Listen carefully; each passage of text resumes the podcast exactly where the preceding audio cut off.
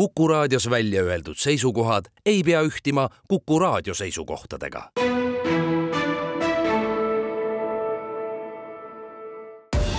Tartu linnasaade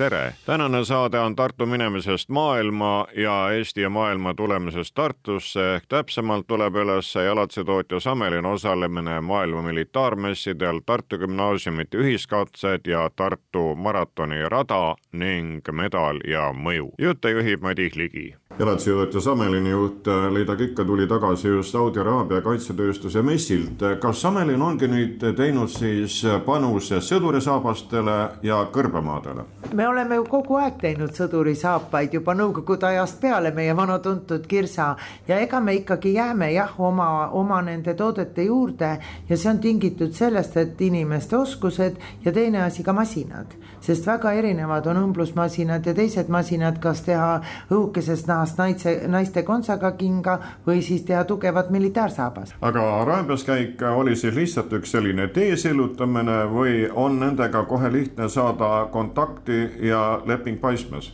oi ei, kaugel sellest, ega me oleme seal Araabias käinud juba aastaid ja Saudi Araabias nüüd siis teist korda, nendel oli üldse teist korda mess ja see on väga pikk protsess. esimene kord tuldi vaatama ju Abu Dhabis, kes üldse, mis Eesti on ja millised me oleme, teinekord tuldi juba vaatama, et oo, nad on olemas.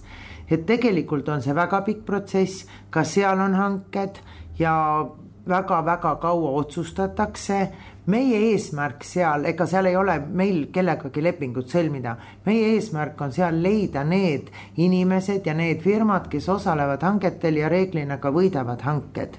aga seal on väga-väga pikk protsess ja võib-olla isegi mitu aastat tuleb enne neid suhteid luua, võib-olla näidiseid saata, et üldse võetakse tõsiselt ja usaldatakse, sest konkurents on ju maailmas väga suur kas Samelilil on lootus ise seal läbi lüüa või teete allhanget ja siis araablased võtavad teie elatise vastu? Ei, ega seal allhanget ei ole võimalik teha, sest neil endal pole mitte midagi, ega nendel ei ole mingeid mudeleid.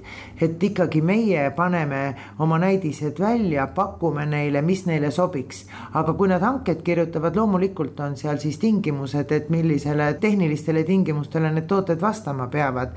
siis meie arendame mudeli vastavalt sellele ja meie siis pakume, osaleme seal koos siis selle partneriga hangetes. aga see, et, et ise otse või midagi ja neil endal pole mingeid mingeid mudeleid ega mingisugust tootmist. Küllap see on teile paras väljakutse, sellepärast et siit Põhimaalt minnes äh, nüüd sinna kõrgeriiki, see on hoopis äh, teine jalats. On ikka, aga eks me oleme ka eestlastele teinud, kes käivad Malis ja kuumades tingimustes missioonidel. et eks ongi ju kahte liiki, et ühed on siis kuumas kõrbes ja teised on siis põhjamaises külmas. et eh, niimoodi me siis peame kahe kollektsiooniga siin eh, võitlema, aga kõrbesaabas on tõesti väljakutse, sest eh, materjalid ja kõik peavad olema õhemad ja hingavad ja seal kõrbeliivas. aga kuna Skandinaavias noh, kõik me ju oleme kuulnud, kuidas Norra ja Rootsi kroonikurss on nii kõrge, et siin ei ole võimalik müüa, nüüd tuleb uksed kinni panna. et et siis mina olen kogu aeg öelnud, et peale Norra ja Rootsi on maailmas veel mõned maad.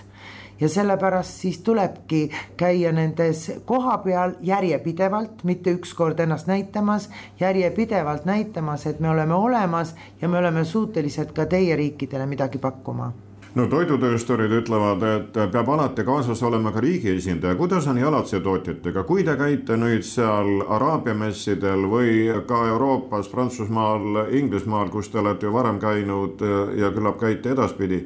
kas siis piisab oma esindusest või peab ka riigi inimene kaasas olema? no mina tahan öelda seda väga meie riigi kaitseks, et reeglina meie riigi esindajad on alati messidel käinud vaatamas, kuidas meil läheb ja meie riik on väga palju toetanud just seda enam, et seal piirkonnas võib-olla president Kersti Kaljulaid tegi seal väga suure töö, kes väga suured lepingud seal sõlmis just, et Eestit nagu väga hinnatakse seal. Ja väga huvitav oligi, et tuli minu juurde Kuveit, kes ütles, et nende riik on absoluutselt ainult on lubatud osta Ameerikast, üldse te, mitte teistest riikidest. Ja nüüd ka Eestist. Ja mina ise käisin ka Kersti Kaljulaidiga Kuveidis äridelegatsiooniga koos, kui need koostöölepingud, mina leian, et meie riik on väga palju toetanud, väga palju eeltööd teinud ja ka meilt messidel toetanud. Kuid Samelin ei ole ju maailma mastaabis suurettevõtja, millistele lepingutele siis nagu panuse teete, mida loodate? ega meie jah, väga suur ei ole, ütleme, et meie panustame sellistele kuni viiskümmend tuhat paari tellimustele ja mis on meie eelis, on see, et suurtest on, et me oleme nõus muutma mudeleid, kohandama vastavalt kliendile, muutma talda, muutma. suured, kes toodavad võib-olla sada tuhat paari nädalas, kindlasti seda ei tee. me oleme nõus ka väiksemaid partiisid tegema, et see on meie eelis. ainult, mis on meie jaoks väga-väga suur probleem, on hind lihtsalt need sisendhinnad on nii palju muutunud, et raske on konkureerida maailma maailmas teistega. ja sellepärast, et materjalid Euroopas on kallimad, transport, aga mis on Eestis veel väga, on tööjõud, tööjõud on väga-väga kallis ja energiahinnad on väga kallid ja sellepärast meil on väga raske konkureerida hinnaga, sest noh, kasvõi võtta siin Soomes äh, Sievi, nendel on töölised Sri Lankast aga väga-väga paljud on läinud ka sellele, et näiteks pealsed ostetakse Indiast või siis lausa toodetakse kas Indias või kuskil Bangladeshis. kohtusin ühe Ameerika firmaga, nemad toodavad Marokos et täna on meil muidugi ka see probleem, et meie kogused ei ole sellised, aga tegelikult me vist oleme sunnitud ka minema sellele teele, et võib-olla osa pealseid osta tõesti Indiast ja, ja teha koostööd nende riikidega, vastasel korral me ei konkureeri hinnaga. Kui aga vaadata nüüd Sammelini kogutoodangut, siis millise osa sellest moodustab äh, militaarkaup? seitsekümmend protsenti moodustab militaar ja siis võib-olla kümme protsenti selline kasuaal, et meie matkasaapad on ju väga tuntud ja väga nõutud.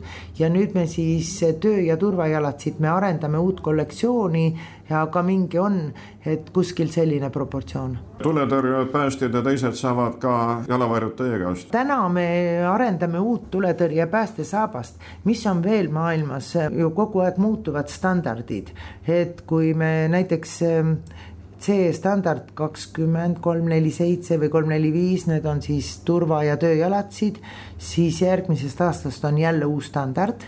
See tähendab seda, et üleminekuperiood, aga kõik tuleb testida uue standardi järgi. testimise järjekorrad on Euroopas kuskil neli-viis kuud, need maksavad väga palju, et meie uus tuletõrje päästesaabas on täna testimislaboris ja väga loodame, et saab sertifitseeritud. Leida Kikka, mida pikaaegne kogemus siis õpetab ja laseb loota? loota, mis ootab ees jalatsitootjaid ja meid tervikuna majanduses? no kuna mina olen ju täielik optimist, siis mina arvan, et jalatsiteta ei käi mitte, et kõige tähtsam on ikkagi jalats, et kui ma kampsulina õmblen nööbi ette või parandan särgi käis ära, kui rebeneb, siis jalatsid tuleb ikka uued osta, sest ei, neid ei saa parandada ja paraku on veel laste puhul ka see, et neil jalad kasvavad, et kogu aeg on uusi jalatseid vaja.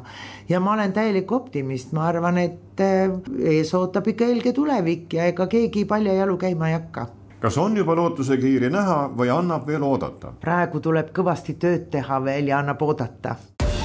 Tartu linnasaade Tartu Gümnaasiumite ühiskatsete juhtivkool on Härma gümnaasium, direktor Ene Tandberg.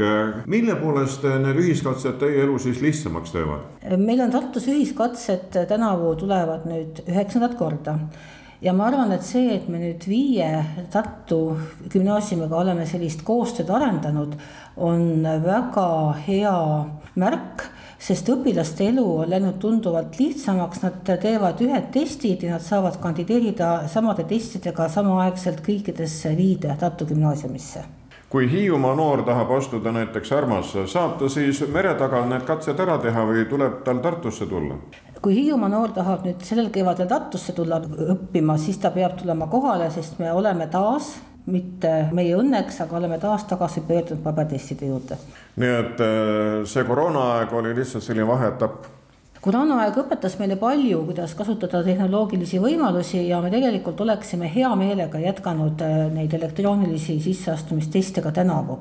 aga siin on sellised äh, kõrgemad jõud, kellega me ei saanud enam koostööd jätkata finantsmajanduslikel põhjustel täna me räägime seda juttu sellepärast, et see kord tuleb ilmsiks. kelle jaoks siis nüüd tegevusjuhised paika pannakse? eelkõige need tegevusjuhised või kuidas see süsteem toimima hakkab, on nii sisseastujatele kui ka tegelikult nende vanematele ja ka nende õpetajatele, et ähm, õpilasi juhendada, mida nad teevad, millal nad äh, registreerivad, mis ainetest nad teevad teste, vastavalt siis nende kooli valikutele, et see tegelikult on mõeldud nii õpilastele, vanematele kui ka õpetajatele no lisaks sellele on tulemas veebis ka infopäev, õppejuht Tere Hallik, mida varasemad aastad on näidanud, mis koha pealt seda informatsiooni on ennekõike juurde vaja? jah, see infopäev toimub äh, kahekümnendal veebruaril kell äh, seitseteist äh, veebis. see link saab olema kõikide gümnaasiumide kodulehel. see on seekord esmakordselt nii, et me sellist infopäeva teeme, et oleksid sellised võrdsed võimalused kõigile kes siis kandideerida tahavad ja noh, mis need probleemkohad on, et alates siis katsetele registreerimisest, et kõik saaksid ühtemoodi aru mida seal registreerimislehel mõeldud on, siis me räägime üle sellest, et kuidas siis see arvuti ikka neid õpilasi gümnaasiumite vahel laiali jaotab, et kus nad oma teste hakkavad tegema ja natukene siis ka testidest endast ja ka sellest, millal toimuvad vestlused, kuidas need toimuvad, et mida võib-olla vestlusteks valmistumisel silmas pidada, et kõik sellised teemad käime seal infotunnis läbi. Kui nüüd vaadata neid, kes Tartu gümnaasiumitesse tulevad, kui palju on siit oma kandist, kui palju siis äh, tuleb vabariigi pealt, võtame kasvõi Härma näitel? sellel sügisel alustas õpinguid kuskil nelikümmend protsenti on väljaspoolt Tartut umbes, jah. ja see tendents on enam-vähem samasugune olnud äh, läbi aastate? laias laastus küll jah, et kuskil noh, kolmkümmend kuni nelikümmend protsenti on siiski gümnasiste väljaspoolt Tartut, ma arvan, see on kõikides Tartu gümnaasiumides umbes sama. tänavune talv on suusatajate jaoks olnud päris meeltmööda, kui jätta üks külmalaine ja suur sula välja Räämeeste Assar Kütt, kas praegu on Tartu maratoni rada Otepää-Ello vahel ikka lumine või on mõnes kohas sula nii palju liiga teinud, et kisub jäiseks? üldjoontes on ikkagi lumine, aga niimoodi Otepää osa on tõsise lumega, Elva poolne osa on palult see kuusteist kilomeetrit ikka jääpõhja peal, et aga siin mine tea, mis need ilmaolud ju teevad, et ja selle maratoni nädalavahetuseks, see on nüüd kahel päeval, et ega ja ilmateade ei ole päris soosi selleks, et laupäevaks ikkagi lubab, praegusel hetkel ta lubab ikkagi sulailma ja, ja siis pühapäevaks öösel läheb külmaks. et meil kui rajameistril on päris keeruline seda õiget aega ja passida, et laupäevaks kindlasti saab sulailmaga ei ole väga hullu, et siis on ühtlane rada, aga kui läheb külmaks, siis on nagu üks aasta võib juhtuda, et puhtas jäärennis kuni Otepäält võib Elvasse suusatada, aga noh, see on kõik praegust vara veel öelda jah, ega selle massi jaoks ei jõua kusagil jäise koha peale lund vedada, see ei tule käde alla, kogus on liiga suur. ei, ega no see jäised põhjad, ega me rajatraktorite freesidega freesime ikkagi suhteliselt üles, aga aeg on nii pikk, et me, kui me öösel teeme ja kui lumestruktuur muutub nii kiirelt, et me ei jõua hetkega kuhugile reageerida, et see on see häda. millist ilmaprognoosi rajameister usub? ma pean silmas seda, et nädalavahetuseks ennustab üks viisteist kraadi külma, teine üks kraad, kuhu vahel vahele sinu tarkus ja kogemus äh, siis äh, selle otsuse jätab või Liisu langetab? üldiselt äh, ööga ja hommikuks vaatad, et mis hakkab juhtuma ja kui noh, e-, järgmine päev võistlus, siis tuleb eelmisel õhtul ikkagi otsus ära teha, et siin kolm-neli päeva ei loe siin mitte midagi ette ennustada mida ka aastataastel näitavad, millist prognoosi on kõige rohkem põhjust uskuda, kelle oma? Ma ei oskagi niimoodi öelda, et viimase minuti, no Eesti paneb, aga see Eesti ilm on ka nii erinev pikalt, et Norrakat vaatan ja erinevaid paneme kokku, aga üldine on ikkagi hommik, otsused või eelmine õhtu, siis on näha, kas, mis hakkab juhtuma praegune strateegia on meil, tuleb ka Pärnust ilmselt veel üks suur traktor, et laupäevasel päeval on äh, see lühikene, kolmkümmend üks kilomeetrit, siis oleme kahe traktoriga Arulas ja kui on vaja hommikul ees sõita, siis me tuleme see kolmkümmend ühel poolel maal sõidame laupäevasel päeva hommikul, sõidame Elvasse, jääme ootama, kuna rahvas lõpetab ja siis hakkame Otepää poole minema. Ja Otepääl on ka kaks traktorit, kes tulevad sealtpoolt vasta ja siis vaatame, kus me kokku saame ja mis parasjagu tol ilm on, aga ilmselt jääb palju palju selle pühapäeva ööpääle tegemiseks, et kui päev on ikkagi sula, siis me peame ikkagi öösel, kui on külm, siis me hakkame noh tahenema, aga mis kell ta tahenema hakkab, seda ei tea. see on praegune ennustus et siis jääb äh, selle viimase momendi peale, et aga no kindlasti võib arvestada, et see Elva-poolne osa tuleb ikkagi, võib jääpõhjad välja tulla, aga ja kui Otepääl ka ikkagi see sulaga läheb ära külmaks, siis on sealpool samamoodi, läheb see lumestruktuur samamoodi kõvaseks, jäiseks. mida teeb rajameister siis, kui tuhanded inimesed suusatavad Tartu maratoni?